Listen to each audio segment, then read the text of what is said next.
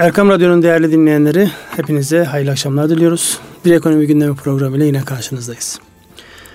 Bugün ekonomiye e, geçtiğimiz hafta içerisinde yaşamış olduğumuz önemli olayların başlıkları aktararak başlayalım. Önce e, sorayım nasılsınız?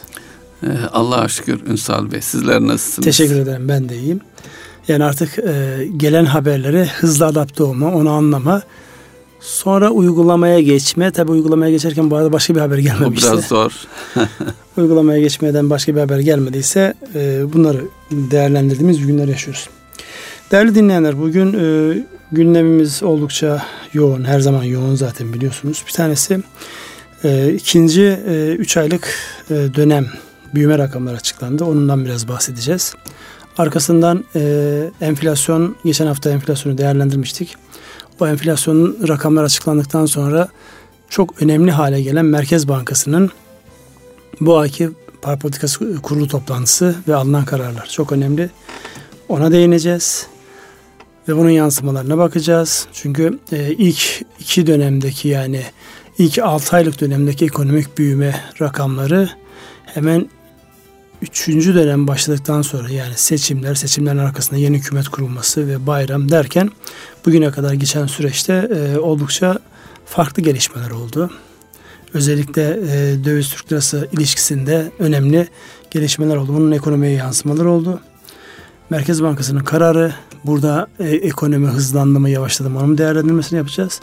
En sonunda e, bu hafta içerisinde alınan e, başkanlık kararnamesiyle yayınlanan döviz üzerinden işlem yapma ile alakalı alınan kararın yansımalarını değerlendireceğiz. Evet Mustafa Bey hangisiyle başlayalım?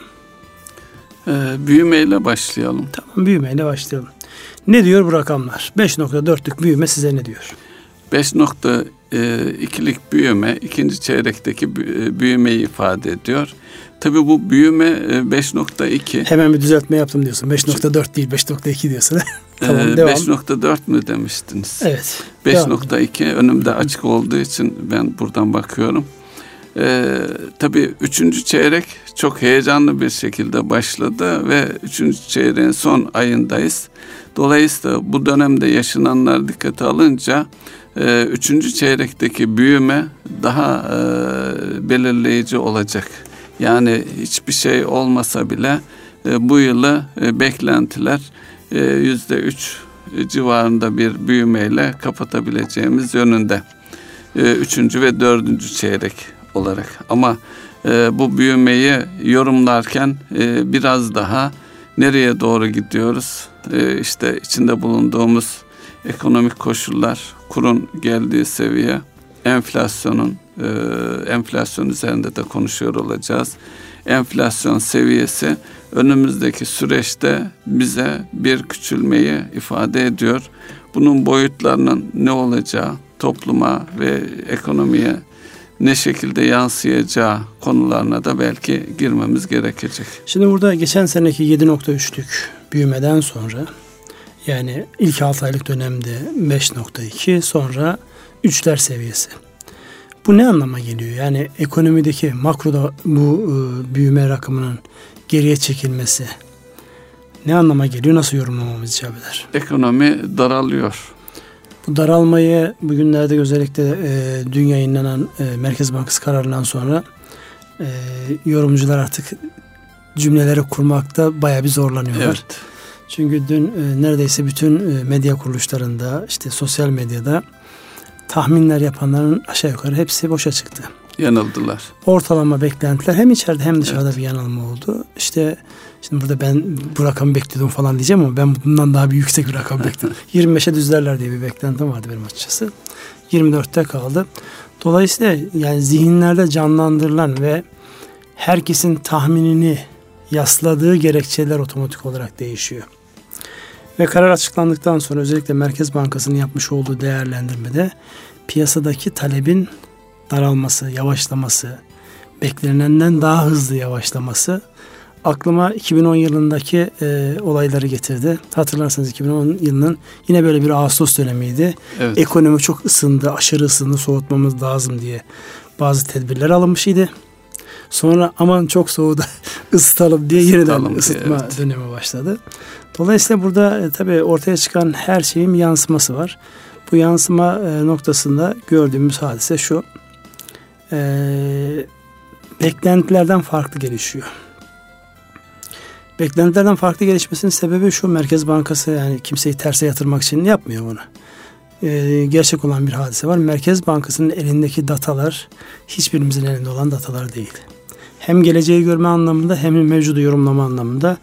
Dolayısıyla orada geniş bir bilgi birikimi var ki şu an dünyanın zaten geldiği dayandığı yer datayı yönetme, dataya ulaşabilme becerisi. Ve kullanma. Kullanma becerisi. Dolayısıyla Merkez Bankası'nın aldığı bu kararın yani e, eksiktir, fazladır oraya hiç girmeksizin görmüş olduğu bir fotoğraf var ki Merkez Bankası bu kararı aldı. Şimdi bize düşen bunun piyasaya nasıl yansıyacağı noktasında. Acaba bir taraftan fiyatlar artarken henüz daha üreticiden tüketiciye yansımamış enflasyon varken Merkez Bankası da böyle bir karar almışken piyasalarda da artık yavaş yavaş o e, durma noktaları, insanlar ne oluyor anlamaya çalıştıkları bir dönemde konuşulan durgunlukla beraber enflasyon hadisesi mi gündeme geliyor? Bu büyüme rakamlarını değerlenirken biraz buraya dokunursanız özellikle son e, iki çeyrek geçti bir tanesini bitirdik. Eylül'ün şu an e, 14'ündeyiz. Geriye şuradan 15 gün kaldı. Sonra son çeyrek kalıyor. Son çeyrek beklentiler ne tarafa doğru evrilir? Oraya biraz ya piyasa gerçekleriyle beraber değinirseniz. Şimdi e, e, bu koşullarda bir ekonominin daralması ve durgunluğa doğru bir gidiş zaten enflasyonla mücadele etmek için biraz e, tansiyonu düşürmek. Ama şöyle bir risk var. Dur, e, enflasyonun arttığı ve durgunluğunda olduğu bir dönem daha da sıkıntılı stagflasyon denen bir sürece girme riskimiz var. Şu anda bu korkutuyor.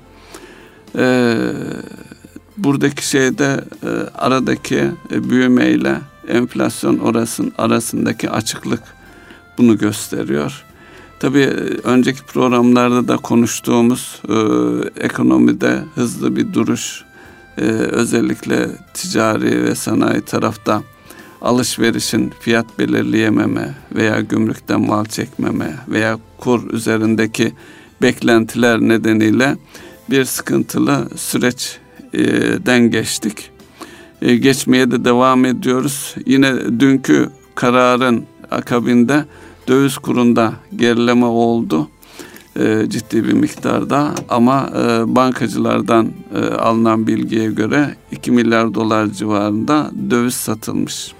O konuya birazdan gireriz. Yani bu alınan kararın yansıması konusuna gireriz de öncelikli olarak büyüme noktasında önümüzde geçen senenin o muhteşem, ihtişamlı büyümesine karşılık bu sene e, gerileyen belki eksiye düşen. Eksiye belki son çeyrek olarak e, şey yapabilir. Evet. ihtimaldir.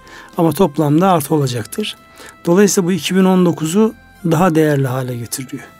Yani şu dönemde e, açıklanacak olan e, orta vadeli planın arkasından önüne ve arkasına konacak diğer kararların, politikaların, stratejilerin öneminin daha da arttığı bir süreç yaşayacağız. Niye? 2019'da bu zayiatı telafi etmek için. Şimdi genellikle bu tip böyle hadiselerde ilk sorduğumuz soru bu ne sorusunu soruyoruz. Yani karşılaştığımız şey ne? Yani e, senin meşhur şeyine mavi şapkanla bakıyoruz hadiseye. ne oldu? Şimdi bu yaşanan hadise e, farklı terimler kullanıldığı için e, onu söylemekte sakınca yok. Yani bu bir türbülans mı? Bu bir kriz mi? Bu bir manipülasyon mu? Spekülasyon mu? Yoksa hepsi birden mi? Ee, en son şıkkı işaretlemek gerekiyor. Hepsi birden. Hepsi birden. Hepsi birden. Peki e, bunun bir herhalde yani çıkış noktası anlamında yine en son programın sonuna gidip dayıyoruz ya güvenelim, itibarımızı zedelemeyelim evet. noktasına. Oraya gelmeden özellikle büyüme noktasında ülkenin ekonomik olarak genel anlamda büyümediği bir ortamda işletmeler büyüyebilir mi? E, büyüyemezler. E, artan bir nüfusumuz var. Yeni iş e, yaratmamız, oluşturmamız lazım gençler için. Dolayısıyla büyümek e, yani ekonomiyi büyümeden refahımızı, mevcut şeyimizi korumamız mümkün değil. Ancak öyle bir noktaya geldik ki bu kur seviyesiyle, bu faiz seviyesiyle e, yatırım yapma imkanı yok. Bir süre soğutarak e, geçmemiz ama bu stagflasyon denen hadiseye de girmeyecek bir yol bulabilmemiz gerekiyor. Dün e, beraber izlemiştik. E, Merkez Bankası kararını beklerken e, başkanımızın e, bir şey vardı, değerlendirmesi vardı. Esnaf ve Sanatkarlar Odası'na yönelik yapmış olduğu evet. değerlendirmede. Orada özellikle önümüzde yer alan e, dönemde henüz başlamamış yatırımlara başlanmayacağını, bu dönemde ama tamamlanma aşamasına gelen yatırımlarda herhangi bir geri durmanın olmayacağını, %50'yi geçmiş olanların ona göre değerlendirileceğini ama henüz başlamamış olan yatırımların da durdurulacağı ya da başlanmayacağı noktasındaki ta ki bu yaşamış olduğumuz türbülans ya da işte neyse manipülasyon adı, kendi ifadesiyle neyse artık bunun e, adı hangi ismi kullanacaksak o duruncaya kadar. Alınmış olan bu kararın ekonomiye yansıması nasıl olur? Rahatlatıcı bir etki mi yapar yoksa oradan beklentiler olan insanların ya işte o yatırımlar olmaz ona göre pozisyonlanmış insanlar da olabilir. Mesela Kanal İstanbul projesini merak ediyorum. Yani açıklanmadığı için hangisi durdu hangisi yürüdü kısmını bilmiyoruz çok fazla. Başlamış diye e, söyledi. Dolayısıyla hı hı. başlamamış diye düşünebiliriz onu. Dolayısıyla buradaki yani bu tip e, alınan kararların piyasaya yansıması, ona göre pozisyonlanmış olan insanların ve işletmelerin nasıl şekil alacağı o önemli bir başlık haline geldi. Evet. Dolayısıyla yani bu durgunluğun e, derinleşmemesi açısından kaynak oluşturma noktasında sıkıntı yaşamaması açısından olay farkında mı? İnsanlar evet farkında. Bundan sonra alınacak olan kararlar bu farkındalığa bağlı olur mu? Orta vadeli planı bekleyeceğiz haftaya inşallah. Haftaya diyorsunuz. Geçtiğimiz hafta konuştuğumuz iş dünyasından insanların en yoğun gündem maddesi özellikle e, döviz üzerinden yapılan işlemlerde yani tekstil işi var, kimya işi var. E, mesela bir tekstil örneğini vereyim. İşte e, hazır giyim çalışan bir firma e, elindeki işte tedarikçilerinden almış olduğu kumaş fiyatları döviz üzerinden olduğu için e, döviz üzerinden bir anlaşma yapılmış ama döviz tabi anlaşıldığı tarihte gibi değil. Yani bir de e, bazı sektörlerde geleceğe yönelik çalışıldığı için e, ne olmuş? Mesela geçen sene e, 4'lerden ya da 3.90'lardan anlaşma yapılmış. Kumaş alınmış, üretim yapılmış, satılmış. Şimdi ödeme vakti. Ödeme vakti 3.90'dan mı olacak? Yoksa geldiğimiz 6, 10, 6, 50 neyse artık oralardan mı olacak şeklindeki pazarlıklar şu an en önemli gündem maddesi iken başkanlık kararnamesi döviz üzerine yapılan işlemlerin bundan sonraki sürede yani ithalat ve ihracatçı değilseniz döviz üzerinden işlem yapamayacaksınız, sözleşmelerinizi yapamayacaksınız şeklinde bir karar geldi. Şimdi bundan kimler etkilenir sorusunu soralım. Büyüme oradan da Merkez Bankası'nın kararları kurların nasıl etkilendiği kadar uzanalım. Ne demek istersiniz? Kimler etkilendi bunlar? Kimler e, etkilendi, kimler etkilenmez de denebilir. E, çünkü sözleşme serbestisi çerçevesinde yani bunu hukukçular falan da tartışmaya başladı Ünsal Bey. Ee, bir hayatın gerçekleri var. Dövizlerinden yapılan birçok anlaşma var. Ee, normal ticaret, ithalat, ihracatçılarla veya ithal ürüne dayalı şeylerde yani e, bir iplikçi eğer pamuğu yurt dışından alıyorsa ki döviz üzerinden şu ana kadar pamuk fiyatlanıyor. Bazı ürünler beynelminel fiyatlarla konuşulmak durumunda. Bu e, üreticiler, fabrikalar kendilerini korumak adına, hecetme adına zaten döviz üzerinden satmaya çalışıyor. Hatta bu hengamede konuştuğum iş adamları ben çok fazla etkilemedim zaten döviz olarak satıyorum diyordu. Şimdi ne olacak? İşte yani sonra. sözleşmeler ne olacak? Kimler etkilenecek? Bildiğimiz şöyle ilk etapta aklımıza hangi sektörler geliyor? Mesela finansçı olarak, eski finansçı olarak akla gelen benim mesela iki leasing şirketleri geliyor. Leasingler. Yani leasinglerin neredeyse yüzde doksan belki de yüzde yüzüne yakını döviz üzerine Döviz üzerinde. Ne olacak bundan sonra? Evet. Araç kiralama işi. Evet. Tamamı neredeyse döviz üzerinden. Döviz üzerinde. Ne olacak? Ne olacak? Tekstildi, kimyaydı Tekstil. yani kendi genetik kodlarında, gelenekleri içerisinde dövizin yani yabancı bir unsur değil asli para gibi değerlendirildiği bu sektörlerde bundan sonraki süreçlerde ne olacak? En fazla gürültünün koptuğu yerde AVM'ler ve kiralar evet. onlar ne olacak? Ünsal Bey şu da var bizim e, ithal, ara mallar ve ham madde ithalatçısı bir ülke olduğumuz için yerli üretimimiz olan hububat buna benzer şeyler de bile dünya fiyatlarıyla konuşuluyor ediliyor. Mısır e, ithal ediyoruz. Yurt içinde üretim var. Dolayısıyla e, mısır fiyatları dolar karşılığı olarak bakıldığında iç piyasayı doğal olarak etkiliyor. E, yani e, bunun bir adaptasyon, bir geçiş süreci e, yaşayacağız herhalde. Adapte olduğumuz başka bir şey daha var yani geçmişten gelen.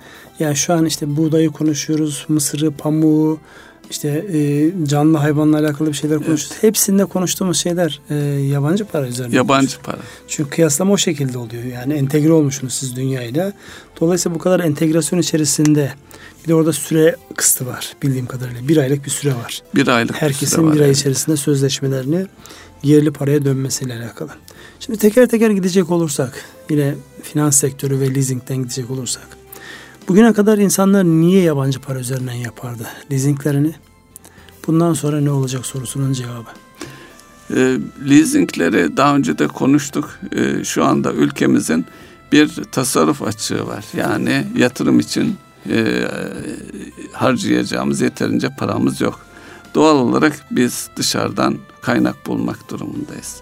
Dışarıdan kaynak bulduğumuz zaman e, TL'ye göre kıyasladığımız zaman da onun finansman maliyeti yani bir yatırımı döviz üzerinden hesaplarsanız bir de TL üzerinden hesaplarsanız daha önceki süreci e, bahsediyorum.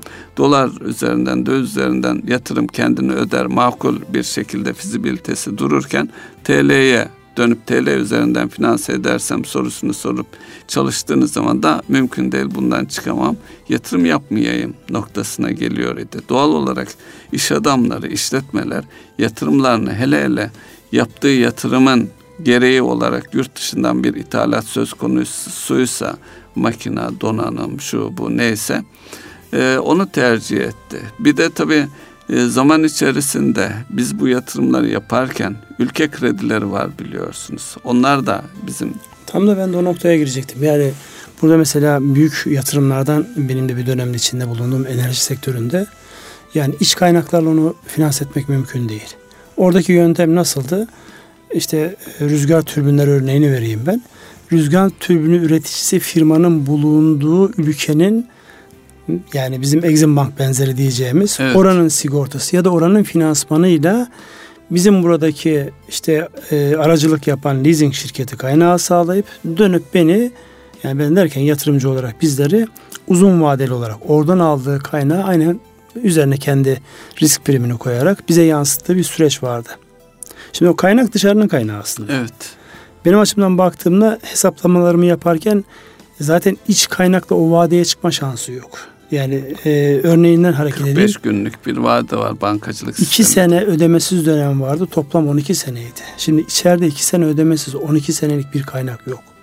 Dolayısıyla satıcı firmanın bulunduğu ülkenin sağlamış olduğu uzun vadeli bir kaynağı kullanarak ben içeride yatırımı yaparken şu anki hadisede daha alt düzenlemeler gelmedi. Yani genel bir çerçeve e, kararıdır o. Alt düzenlemelerde yani teker teker sorulması gereken çokça soru var. Şimdi ben kaynağa ihtiyacım var. Dışarıdan kaynak getiriyorum. Leasing şirketler arasında. İhtiyacımız da var. Üstelik. İhtiyacımız da var. Dönüyorum kaynağın e, geldiği yerdeki para birimi neyse onu kullandırırsam ben risk taşımamış olacağım. Evet. Yatırım yapacak olan da ona göre fizibilitesini yaparsa kar ya da zarar edeceğini hesaplar. Evet. Çünkü Türk lirasından kullandığınızda şimdi düşünebiliyor musunuz? 12 yıl vadeli Türk lirası üzerinden bugünlerdeki finansman maliyetiyle bir yatırım. Yüzde 40. yani yüzde 40. Onun bir de bileşiğine dediğinizde 12 e, ile yaydığınızda akla ziyan bir şey çıkar ortada. Öyle bir yatırım falan yapamazsınız. Yapılamaz. Kimse cesaret edemez. Dolayısıyla önümüzdeki günlerde çokça konuşacağımız mevzulardan bir tanesi başta işte e, leasing gibi aracılık yapan şeyler, işlemler. Oto kiralamalarda ne bekliyor bizi? Oto kiralamalarda özellikle e, ithale dayalı otoların e, kiralamaları yani araç kiralaması dediğimiz olay e, döviz üzerinden ağırlıklı olarak çünkü aynı şey orada da işledi. E, kiraların yani e, belli segmentteki araçların, ithal araçların kiraları TL olduğu zaman e, yüksek bir meblağ çıkıyordu. Dolar olduğunda da makul dolardaki artışta veya eurodaki artışta belli bir seviyede devam ediyordu. Şu anda şöyle bir kriz var. E, zaten geldiğimiz kur seviyesi itibariyle kiracılar, araçları kiralayanlar ödeyemez duruma geldi.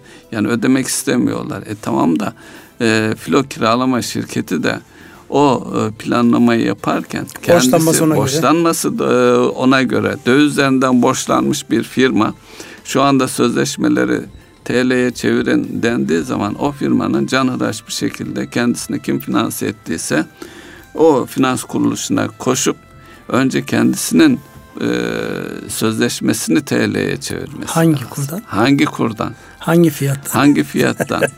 ee, oradan aldığı şeyle dönüp e, e, şeyi yapabilir. Tabi buradaki zımmi bir beklenti var. Onu da e, taraflar anlaşacak deniyor ama bu kur seviyesinde bir kiracı e, beklentisi TL'ye dönelim denildiğinde cari kurdan değil hayalinde bir kur vardır. Dört buçuk beş neyse ondan e, dönmeyi hayal ediyor. Ama bazı yerlerde bu realite az önce tekstil örneğini verdim. Yani geçen sene bu vakitlerde yazlık üretimine girmiş. 3.90'dan almış kumaşı üretmiş. 3.90'a göre yapmış olduğu maliyetlendirmeden de satmış. Satmış. Bitmiş o film Bitmiş, artık. Bitmiş evet. Şimdi tedarikçisine şunu söylüyor. Benim yaşamamı istiyorsan geriye yönelik olarak o anlaştığımız kura yakın bir yerlerden olmasa bile ortada bir yerde anlaşalım diyor. Evet.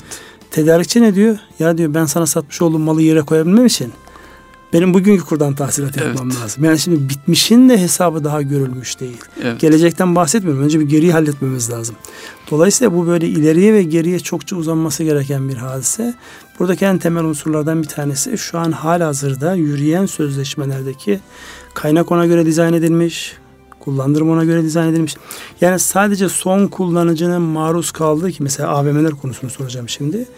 Kiraların döviz endeksli olmasının işte belli e, perakende markalarının sıkıntıya girmesindeki etkisi mesela bunu en fazla tetikleyen unsurlardan bir tanesi bu olduğu kararın alınmasında. Mesela oraları ne bekliyor? AVM yatırımcıları kim? Onların ne kadar borcu var? Borçları Türk lirası mı, döviz mi? O konu yani çalıştığını bildiğim için oradan da birkaç cümle alayım. Ee, Ünsal Bey bu e, konuya geçmeden önce önceki araç kiralama konusunu bir de ülkenin yapısal e, yapısal bir sorun gibi gündeme getirip üzerinde konuşabilir miyiz?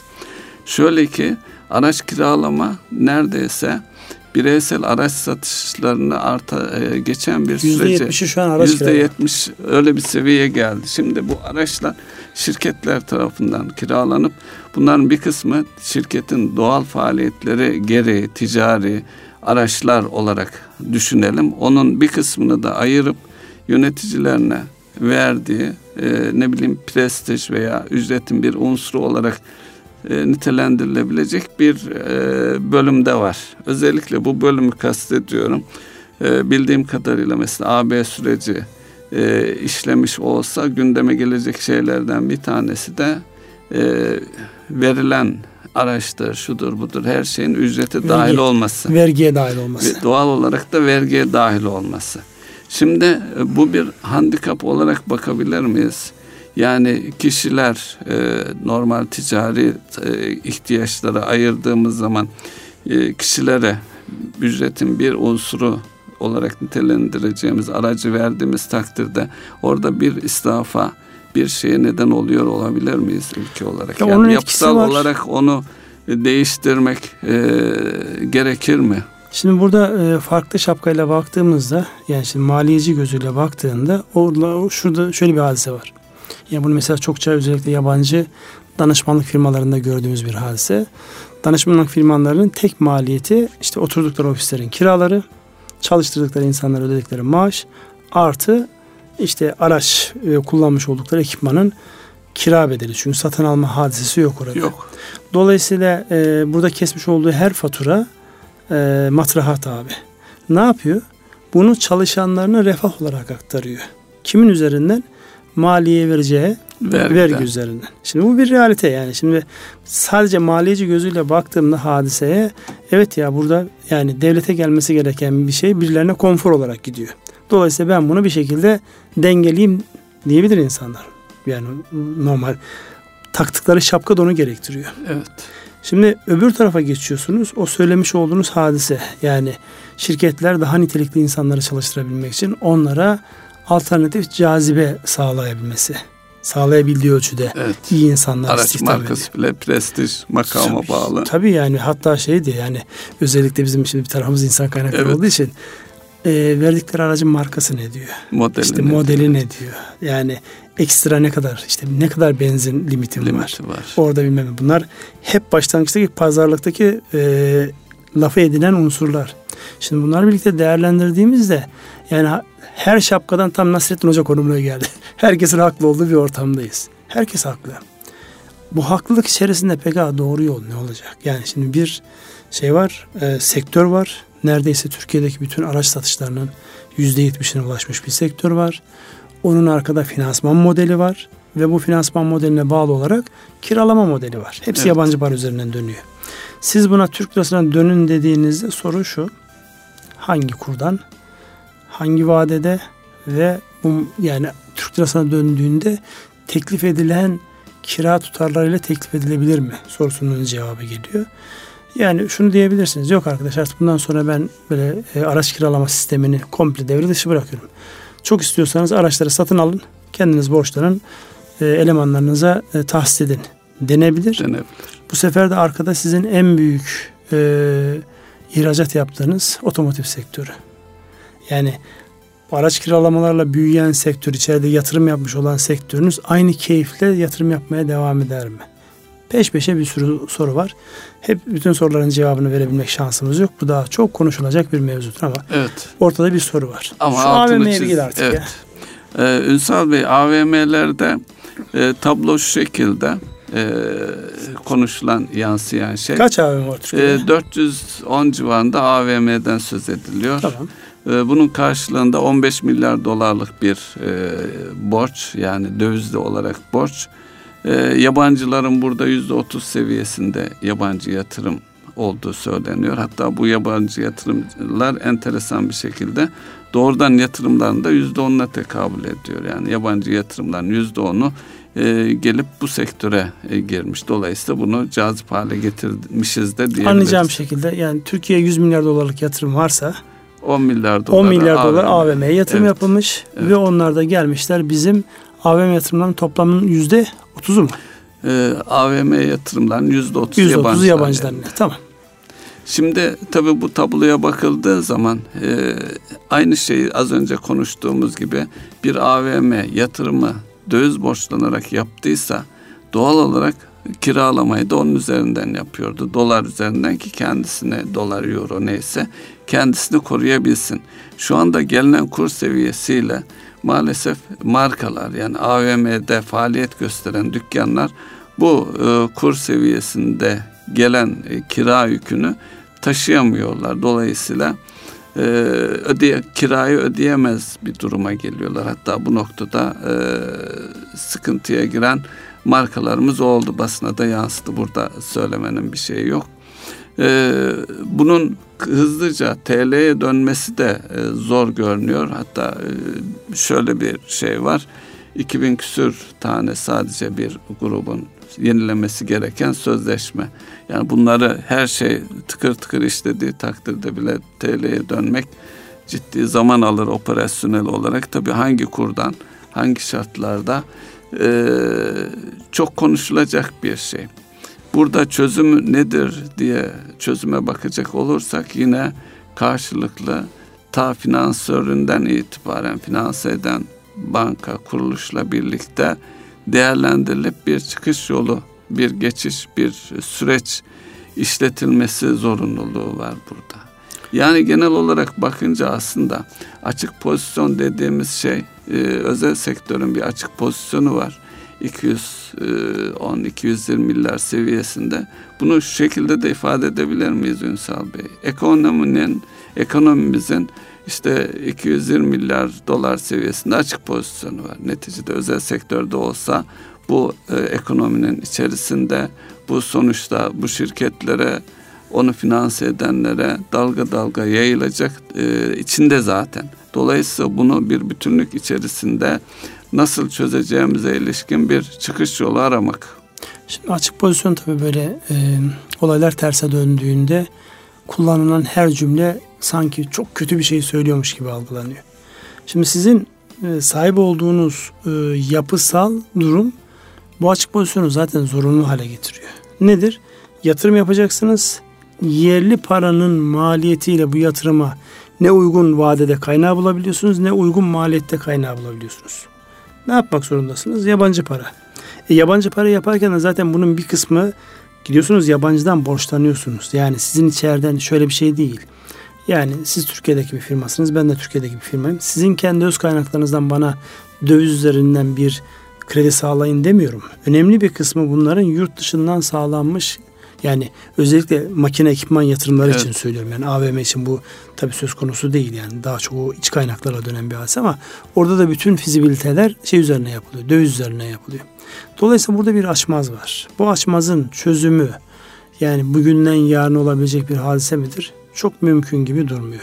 Ama bunun alt e, yani çalışmalarında özellikle düzenlemeler biraz daha detaylandırıldıkça çünkü süre çok kısa. Bir aylık zaman içerisinde evet.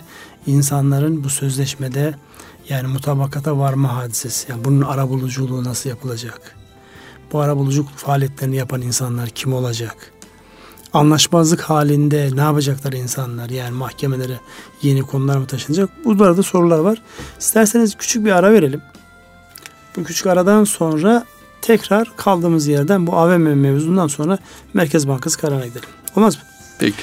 Erkam Radyo'nun değerli dinleyenleri küçük bir ara veriyoruz. Aradan sonra tekrar görüşmek dileğiyle. Erkam Radyo'nun değerli dinleyenleri Ekonomi Gündemi programının ikinci yarısındayız. Birinci bölümde e, son haftalarda yaşamış olduğumuz işte ekonomi büyüme, açıklanan enflasyon rakamları, sonrasında Merkez Bankası'nın aldığı kararlar henüz daha o kararların detayına girmedik. Ama bu arada özellikle başkanlık kararnamesiyle yayınlanan döviz üzerinden işlem yapma konusunda alınmış bir karar ve bunun sektörlerde nasıl yansıyacağı konusunu ele almaya çalışıyoruz. Bizim burada amacımız soru sormak. Yani soru sorarak önümüzdeki dönemde bizi nelerin beklediği ve bunların e, soru sorabildiğimizde çözümünün geleceği, cevabının geleceği düşüncesiyle soruları soruyoruz. Yoksa yani sadece soru sormak olmak için değil. En son AVM'leri konuşuyorduk Mustafa Bey. Yani en son AVM'lerde özellikle AVM yatırımcılarının e, finansman yapıları, onların arka taraftaki işleyiş, ortaklık yapıları yabancı sermayeli olması yüzde otuzunun önümüzde sürenin kısası, kısalığı ile alakalı en son orada kalmış idik. Bundan sonraki dönemde e, AVM konusuyla alakalı ne söylemek istersiniz? Araya da bir soru sorayım. Mevcut 410 küsur olan AVM bundan sonraki yeni AVM yatırım olur mu? Olursa nereye olur? Olmazsa mevcut AVM'ler değeri ne olur? Ee, bundan sonra geldiğimiz nokta itibariyle AVM yatırımının bir süre durmasını bekleyebiliriz. Ee, şu soruyu da ekleyerek sormamız lazım. Şimdi AVM yatırımcılarını konuşurken yüzde otuz seviyesinde yabancı yatırımcının olduğunu, doğrudan yatırım anlamında. Önümüzdeki süreçte de hem bu yatırımların e, çevrilmesi, borçlarının çevrilmesi hem de gelecekte ülke olarak bizim e, doğrudan yatırımları çekebilmemiz için e, yabancı yatırımcıyı e, e, endişeye sevk etmeyecek nasıl bir karar almamız lazım onu da şimdiden düşünmemiz lazım bunun içerisinde. Yani yabancı yatırımcı gelirken bunu, buradan herhangi bir şekilde örselenmemiş veya caydırıcı bir sonuç çıkmamış olması lazım.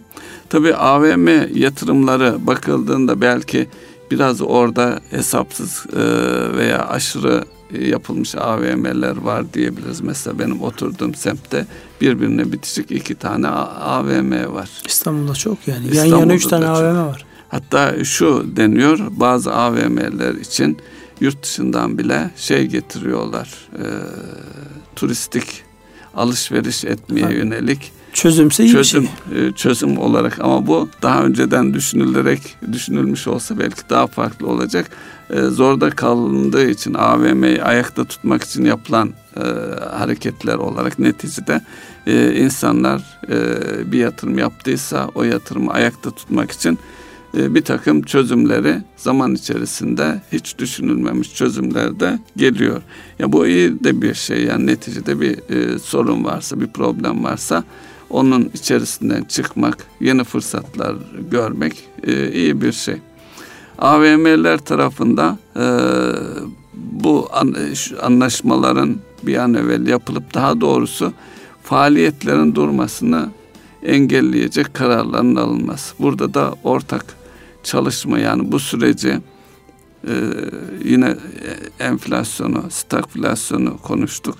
Yatırımların durma, ekonominin durma noktasına gelmeden makul bir şekilde enflasyonu da kontrol altına alacak şekilde sürdürülmesi. Bunun da yolunu, yöntemini bulmak. Tabi bu e, dövize dövizden TL'ye sözleşmelerin çevrilmesi kararı her ne kadar bir ay dendiyse de e, sanıyorum detayda sektör sektör üzerinde düşünülecek e, ilave kararların geleceği de söz konusu zaten bakan bakanlığa refere eden bir ifade de vardı kararın içerisinde. Yani izleyelim görelim diyorsunuz öyle mi? E, izleyelim görelimden öte hem izleyelim görelim hem de bir taraftan da basına da yansıyor medyada e, taraflar niyetlerini ortaya koyuyorlar, e, görüşüyorlar, bir çaba içerisindeler. Ya o konu kesin zaten yani alınmış bir karar var ve bunun bir şekilde uygulaması var. Uygulamamanın cezası nedir oraları şu an bilmiyorum da şurada sadece ee, yani yeri AVM, gelmişken AVM ya da kiracı meselesi değil. O AVM'nin arkasındaki finansör, onların bağlantısı, o sigorta sistemi, markaların yönetimi, markaların sponsorluk anlaşmaları çok konu var yani. Öyle sadece iki taraf mevzu değil gibi duruyor en azından. Buyurun. Çok taraflı. Çok taraflı. E, müeyyidesi de var sanıyorum e, bir ceza öngörülmüş durumda. O da nasıl yönetilecek çünkü bir aylık süre kısa bir süre ona da çözüm geleceğini bekliyorlar. Evet. Dolayısıyla bu e, alışverişin Türk lirası üzerinden yapılıyor olması genetik kodlarımızdaki eski yabancı para üzerinden işlem yapma ki onun sebebi yani durup dururken olmuyor tabii yani daha önceki o yüksek enflasyonist dönemlerde iki gerekçe insanların tasarruf yapması artı yatırımlarını yaparken ve servetlerini hesaplarken bir de öyle bir şey var. Yani e, patronlar dünyasında da servet Türk lirası üzerinden hesaplanmıyor. Yani hangi parayı seviyorlarsa dolarsa dolar, euro ise euro eskiden mark evet. vardı. Dolayısıyla servetlerin hesaplanma inşallah zekatlar da oradan hesaplanıyordur. Dolayısıyla onların hesaplanma döneminden şimdi Türk lirası üzerinden işlem yapılma dönemine giriyor. Dolayısıyla alışık olduğumuzun dışında yani biraz zihinleri fazlasıyla yoracağımız bir döneme denk geldik. Yani mevcut AVM'lerin e, kıymeti artar gibi bir satır arasında bir ifade kullandın. Yeni yatırımlar olmayacağı için. Yeni yatırımlar olmayacağı tamam. için. Şimdi AVM'lerinde böyle şey var yani bir taraftan kaybederken öbür taraftan fırsat da, var yani. Fırsat Ayakta da var. kalanlar için, iyi yönetenler için fırsat ya, var. Yanal baktığımızda olaya değişik bir perspektiften baktığımızda yani sadece olay aa işte eyvah felaket melaket falan demelerine gerek yok. Öbür taraftan yeni yatırımlar bir müddet olmayacağı için mevcut AVM'lerin nitelikli olanların yani cazibe merkezi olanların da bu anlamda değerinin artacağını söyleyebiliriz. Şimdi gelelim Merkez Bankası'nın almış olduğu bu karara. Merkez Bankası dün e, almış olduğu kararda piyasada az önce bir ufak girizgah yaptık. E, ortalamada 300 bas puan herkesin beklediği biraz daha yani daha iyi olsun 400 bas puan olsun diyenlerin çok ötesinde 625 puanlık bir artışa gitti. Bunun anlamı şu. Daha önceden 17.75 olan politika faizi 24'e çıktı. Yani bundan sonra referans oranı bu. Enflasyona baktığımızda hatırlarsanız 32 üfede e, işte 18 yuvarladığımızda e, tüfede 50 bölü 2 25. Evet ona yani geliyor. şu an tam ortadan e, politika faiz oranıyla üfe tüfe ortalaması birbirini yakalamış durumda. Şimdi bunun finans sektörüne yansıması nasıl olacak? Firmalara yansıması nasıl olacak? Ve Merkez Bankası bunu yaparken neyi amaçlamış oldu? Yani burada biraz özellikle Türk lirasına cazibe sağlayıp yurt dışından kaynak akışını sağlayacak mı? Nasıl olacak? O konuya biraz değinelim isterseniz. E, Türk e, parası üzerinden olan varlıklara ilgiyi artırmış oldu. Yani e, arttırmış olmayı niyetlendi. Niyetlendi. Bundan sonraki süreçte e, inşallah artacak. Bunların e, ilk aşamada portföy yatırımı dediğimiz. Nereden işte, anlıyoruz bunu? Dövizden mi anlıyoruz? E, dövizden anlıyoruz ve faizden anlıyoruz. Az önce söylemiş olduğumuz 2 milyar dolarlık satış iç e, evet iç, dış, iç demek henüz daha dışarının değil içerinin cazibesi. İçerinin cazibesi. Yani bu e, 2 milyar dolarlık e, döviz satılması aslında bakıldığında çok e, insanların demek ki ihtiyacı var bu orandan. Yani bir taraftan e, şeyi düşünürsek kimlerin aldığını bilmiyoruz. E, işletmelerin döviz pozisyonu borçları döviz olduğu için bunu makul bir kur olarak değerlendirip aldılar diye de yorumlayabiliriz. Ama orada şu da olabilir şimdi beklentiye göre eğer doğru dalgayı yakalamışlarsa çok iyi ticaretini yaparak para kazanma şansı da verdi dün. O, evet. Yani sabahleyin işte 6.35'ler diye başladı. Sonra işte e, başkanın konuşmasından sonra bir 6.45'leri 6.46'ları gördü. Gördü. Ondan sonra Merkez Bankası karar açıklayınca 6.01 sonra tekrar 6.20 günü kapatırken 6.12'ler 6.13'ler bugün de 6.06 6.07 ile başladı. Baktığınızda müthiş bir oynaklık var. Ve Şimdi, gerçekten de alanlar için cazip bir e, oynaklık da onu da görmek yani oynayanlar lazım. için cazip bir evet, oynaklık. oynayanlar için. Dolayısıyla evet. burada nette baktığımızda net 2 milyar dolarlık satış olduğu ifadesinde e bunun bir de karşı ayağı var. Birileri de bunu almış oldu. Şimdi doğru dalgada yakalan, yakalayanlar için müthiş bir yani yüzde beşlik bir oynama marjı var orada. Yani dört aşağı geliyor, iki yukarı gidiyor, tekrar bir aşağı geliyor. Baktığınızda müthiş bir şey var. Tabi doğru yakalama. Ama hacim anlamında baktığımızda müthiş bir hacim. Yani evet. buradan maliyet oluştu mu? Evet buradan maliyet, çok ciddi maliyet oluşuyor. Maliyet oluştuğunda da bu bir taraftan insanların kanıksamasını artık bu fiyatlardan alınıp satılan bu fiyat bağlayıcı hale geliyor. Bağlayıcı hale geliyor. Dolayısıyla çok aşağılara ne olacak da gelecek sorusunun cevabını arayacağız. Türk lirası e, kıymetli değerlerin yani artık cazibe noktası haline geleceğini söylediniz. Ne olur mesela bundan sonra? Mesela bugün bakıyorum borsa bir şeyini gösterdi. Evet borsa dün de gösterdi. İlk bir şeyini gösterdi. Evet. Ee, yani dün ve bugün bir e, pozitif anlamda evet yani Türk lirası değerler artıyor. Daha fazla döviz düşmeden satın dövizinizi Türk lirası hisse senedi alın. İşte borçlanma anlamında Orada da bir özellikle iki yıllık e, devlet tahvili borçlanma şeylerinde hazine kağıtları. Geriye gelmeler söz konusu. Ama 24 diye de bir şey koydunuz oraya, barem koydunuz. Yani onun çok altına gelecek gibi de durmuyor şu an. Evet. Bundan sonraki süreci bir yorumlayalım. Yani bu devam eder mi Türk lirasına? Türk lirası e, değerler olan ilgi artar mı bundan sonra? E, Türk lirasına e, ilgi artabilir. Şimdi e, mevcut açıklanan konuşmaların neticesinde e, başkanımızın da ifade ettiği bir takım başlanmamış yatırımların tekrar değerlendirilecek. Onlar duracak ama yapılan yatırımlar, yarım olanlar ve verimli olanları hızlandıracağız. Öncelik onlara verilecek şeylerin e, ipuçlarını daha doğrusu bunun e, dayandığı şeyleri, temelleri ne olup bittiğini önümüzdeki hafta sanıyorum 20'sinde açıklanacak. Orta vadeli planda bunların sonuçlarını ve kararlarını görebilirse piyasalar e, doğal olarak daha da e, TL'nin değerlenmesi söz konusu olur. Yani şu anlama geliyor. Bir taraftan para politikası e, sıkı bir şekilde takip edilirken Merkez Bankası zaten sıkılaştırma olarak ifade ediyordu. Orta vadeli planda maliye politikası devletin politikası olarak dikkate aldığımız zaman ikisi birbiriyle uyumlu ve birbirini destekleyen bir sonuç ol, olarak e, tablo net olarak ortaya çıkarsa bu e, TL varlıkları olumlu etkileyecektir. Tabi buradaki şeylerde konuşmalarda zaten e, Merkez Bankası'nın bağımsızlığı söz konusu. E, dolayısıyla e, iki taraftan da hem maliye tarafı hem e, Hazi, e, Merkez Bankası tarafı da e, güven noktasında piyasalara hem yurt içinde hem yurt dışında piyasalara güven vermiş olacak. Bunun sonuçlarını da doğal olarak e, olumlu yönde yansıyacağını hesap edebiliriz, düşünebiliriz e, arzu edebiliriz. Tabi siyasilerin bakış açısında bir şey var. Bugün e, hatırlarsanız böyle öğleye doğru e, başkanın bir yerdeki konuşmasında bir anekdot var. Yani bağımsız ama göreceğiz evet. ne kadar bağımsızlar. Bu yani Merkez Bankası'nın yöneticiler üzerinde inanılmaz bir pres. Baskı yani orada oluşturuyor. baskı oluşturuyor. İnşallah doğru adımlar atılır. Herkes gönlüne göre bir yer yakalar. Şimdi burada sizin söylemiş olduğunuz cazibe şu an finansal piyasalara gelen cazibe. Yani nedir? Bono faizler aşağı geliyor, borsa evet, artıyor, kur aşağı doğru geliyor vesaire vesaire. Soru şu.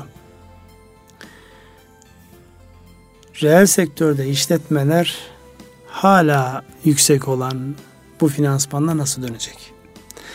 Yüzde 40'la 45'le kredi kullanıp personeline maaş mı ödeyecek, kira mı ödeyecek, tedarikçilerini mi karşılayacak, ayakta mı kalacak yoksa ellerini kaldırıp benden bu kadar mı diyecek, ne diyecek yani henüz daha oralara yansıyan bir şey yok.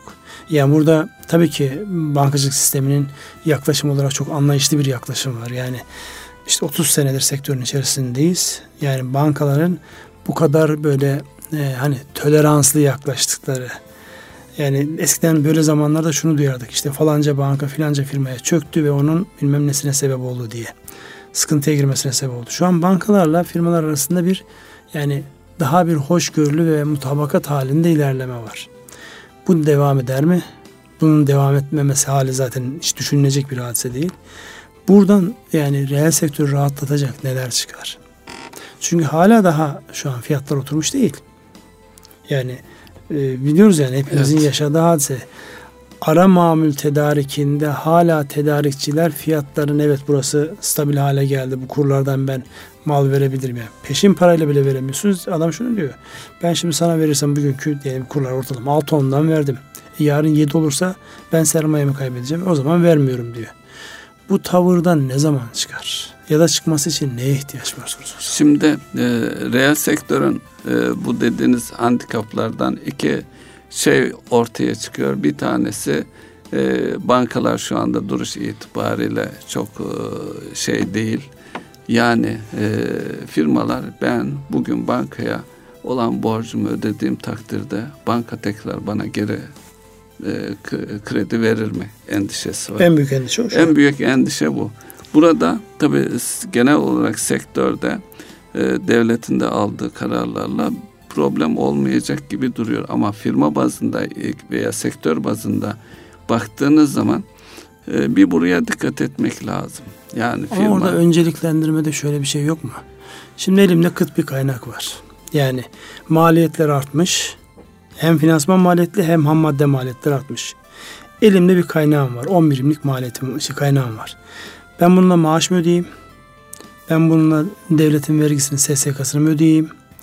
Bankaya borcumu mu ödeyeyim? Tedarikçiye borcumu mu ödeyeyim? Ya da yeni mi almalıyım? Yani buradaki en büyük açmaz eldeki kaynak kıt. kıt. Yeni kaynak da gelmiyor. Yani şu an siz duydunuz mu bankalardan insanlara yeni kaynak verildiğini? Geçen seneki o ekonomik büyümeye de destek olan kredi garanti fonu benzeri bir uygulama yok şu an. Yani evet. dolayısıyla yeni kaynak gelmiyor mevcuda daha yüksek maliyette dönüyorsunuz. E, bu limitler var, teminatlar Orada var. Orada da endişe var yalnız. Şimdi burada mesela işletmeler nerede tercihini kullanıyor? Personelden yana mı kullanıyor? Tedarikçiden yana mı kullanıyor? Ya şu devletler aman başım belaya girmesin vergisini SSK'sını yatırayım diyor. Ondan sonra da 3 yılda 5 yılda bir gelen aflardan dolayı dizlerini mi dövüyor? Ne diyor yani insanlar orada? Şimdi burada tedarikçilerde çarkı döndürebilmek, üretimi e, yapabilmek için tedarikçilerle e, sürdürmek zorunda. İkinci sıkıntılı durum da daha önce de konuştuğumuz şey e, ticarette taraflar üretici, toptancı, ithalatçı birbirine olan kredileri e, küçülttüler, limitlerini azalttılar ve vadeleri de kıstılar. Ve vadelere de normal e, finans maliyetlerini dikkate alarak bir vade farkı koymaya başladılar. Zaten bunlar e, endişe ettiğimiz ekonominin durması, durgunluk ve e, stagflasyona girme endişelerini destekleyen şeyler. Buralarda e, çözüm bulabilmek, iyileştirme yapabilmek gerekiyor. Burada da nasıl yapılacak? İşte tüm tarafların, bankalar, e, finans tarafı, reel sektör tarafı, birbirine zincirleme bağlı tarafların bir araya gelip bu süreci sürdürmeleri, hele hele tedarikçilerin birbirine olan kredibilitelerini yeniden inşa etmeleri gerekiyor. Bunun için de işte neler daha önce de konuştuğumuz karşılıklı güvene dayanıyor gelip her şey. E, karşılıklı güvene dayanıyor. Şimdi bankaların şöyle bir avantajı var. Yani büyük firmalarda değil ama orta ölçekli firmaların tamamında teminatlı durumdalar. Yani çok az. Belki bu kredi garanti fonu kapsamında verilen kredilerde o anlamdaki teminat açıkları tamamlanmıştı ama şu anki finans maliyetleri ve kur şeyinden dolayı tekrar o teminatlar şu an e, riskli hale geldi. Riskli hale geldi. E şimdi e, bankalar tarafında bir sükunet var onu görüyoruz. Ama tedarikçilerin zaten birbirine verecek kredisi yoksa neyle destekleyecek? Yani burada insanların ben ayakta kalayım öbürü ne olursa olsun gibi bir psikolojiye girdiğinde sizin o söylemiş olduğunuz güveni sağlayacak olan nedir yani? Ne, ne dedirtecek insanlara bunu? Yani ben ayakta kalabilmem için tedarikçimin daha doğrusu mal verdiğim yerinde ayakta kalması lazım. Evet. Ama ayakta kalırken bu arada ben şimdi burada niyet mevzu giriyor ortaya. Yani işletmelerin birbirlerine karşı olan niyetlerini nasıl ayırt edeceksiniz? İyi niyetliyle gerçekten bunu bir fırsat olarak değerlendirenleri nasıl ayırt edeceksiniz orada? İşte zaten bu endişe her şeyi kapatıyor. Yani malımı verip rezil olayım mu yoksa vermeyip mi rezil olayım gibi bir noktaya gidiyor. Burada işte iş e, tabii şu da var Ünsal Bey. Bu ilişkiler bir günlük bir ilişkiler değil. Geçmişi var. 10 yıl, 20 yıl, 30 yıldır süren ilişkiler var. Bazı iş adamlar konuşuyor mesela fabrikadan ben onu, onların 30 yıllık toptancısıyım diyor. Bana bugün herkese yapıldığı şekilde kuralları koyup geçmişler. Hem de sözde plan da değil. E, işte bunun bir zaten karşılığı, yansıması. Heh, onların karşılığı. Bu, bunların tekrar konuşup şu da var. Gidip konuşuyoruz, görüşüyoruz. İlerleme var mı? Tabii ilerleme noktasında sıkıntılar var. İlerleme noktasındaki sıkıntılar da bu genel olarak konuştuğumuz işte ekonomi nereye gidecek, kur ne olacak falan gibi bir kafa, kafada belirleyici bir şey olsa yani mesela doları dedik. Ta, tamam burada altıda sanki sabitlenecek, buralarda duracak veya zaman içerisinde ne diyelim beş buçukla altı arasında değil Yok, bir kanaat değil. Olursa. Merkez Bankası'nın yapmış olduğu ankette biliyorsun yıl sonu kuru evet. olarak 6.59 gibi bir rakam geldi artık. Yani orada ya insanlar bu rakamlar kanıksamışlar. Şimdi orada gerçekçi olmak lazım. Yani burada kur nereye gider sorusunda eğer hala 6 şey 5.50'ler 5'ler falan bekleniyorsa yani gerçekçi değil bu. Dolayısıyla yani buradan hareket ha altının altına iner mi? İnebilir. Ama o anket e, bu Merkez Bankası kararından önceki bir şey. Kesinlikle önceki. Belki değişebilir. İnebilir mi? Evet, evet inebilir yani. Zaten onun üzerine 6.59'dan uzaklaştık 6'ya geldik evet. altına. Ama 5'ler 4'ler şimdi bunu beklemek gerçekçi o, mi? Evet, gerçekçi, gerçekçi değil. değil. Yani niye gerçekçi değil? Israrla hangi fiyatlardan alım satım yapıldı vurgusunu o yüzden yapıyoruz. Yani belli fiyatlardan artık maliyetler oluştu birilerinin elinde. Dolayısıyla buradan baktığımızda acilen gidilmesi gereken taraf işte insanların bu niyet okumalardan vazgeçip bir an önce e, yani gerçek hayata dönüp üretim yapmaya başlamış. Çünkü öteki türlü yani Merkez Bankası'nın da dikkat çektiği o talepteki daralma arkasından firmaların küçülme isteği, küçülme isteği demek istihdamda sıkıntı, istihdamda sıkıntı piyasaya olan talebin azalması, o dönüp tekrar firmalara yani kötü bir sarkaca girme ihtimaline karşı burada insanların birbirini yaşatma noktasında yani sevdiğinden dolayı değil kendisini seviyorsa birlikte yaşamak kendisini seviyorsa yaşatma sorunları evet. var gibi bir noktaya geldik yine. Evet süremizin sonuna geldik. Hatta hafiften de geçtik oradan e, sinyaller geliyor. E, son bir cümle ne kurmak istersiniz? E, siz yine e, haftalık temenni ve duanızı Onu ben de am, buyurun, e, buyurun, lütfen bu siz Ha, bana bıraktınız. Kadrolu, ben, ben kadrolu, amin, amin diye. Kadrolu ekonomi duacısı olarak e, evet. şey geçenlerde bizim e, Orhan Hoca'nın şeyi vardı. Dolar duasına çıkalım gibi esprisi ha, evet. vardı ya. e, Erkam Radyo'nun değerli dinleyenleri bir ekonomi gündem programının sonuna geldik.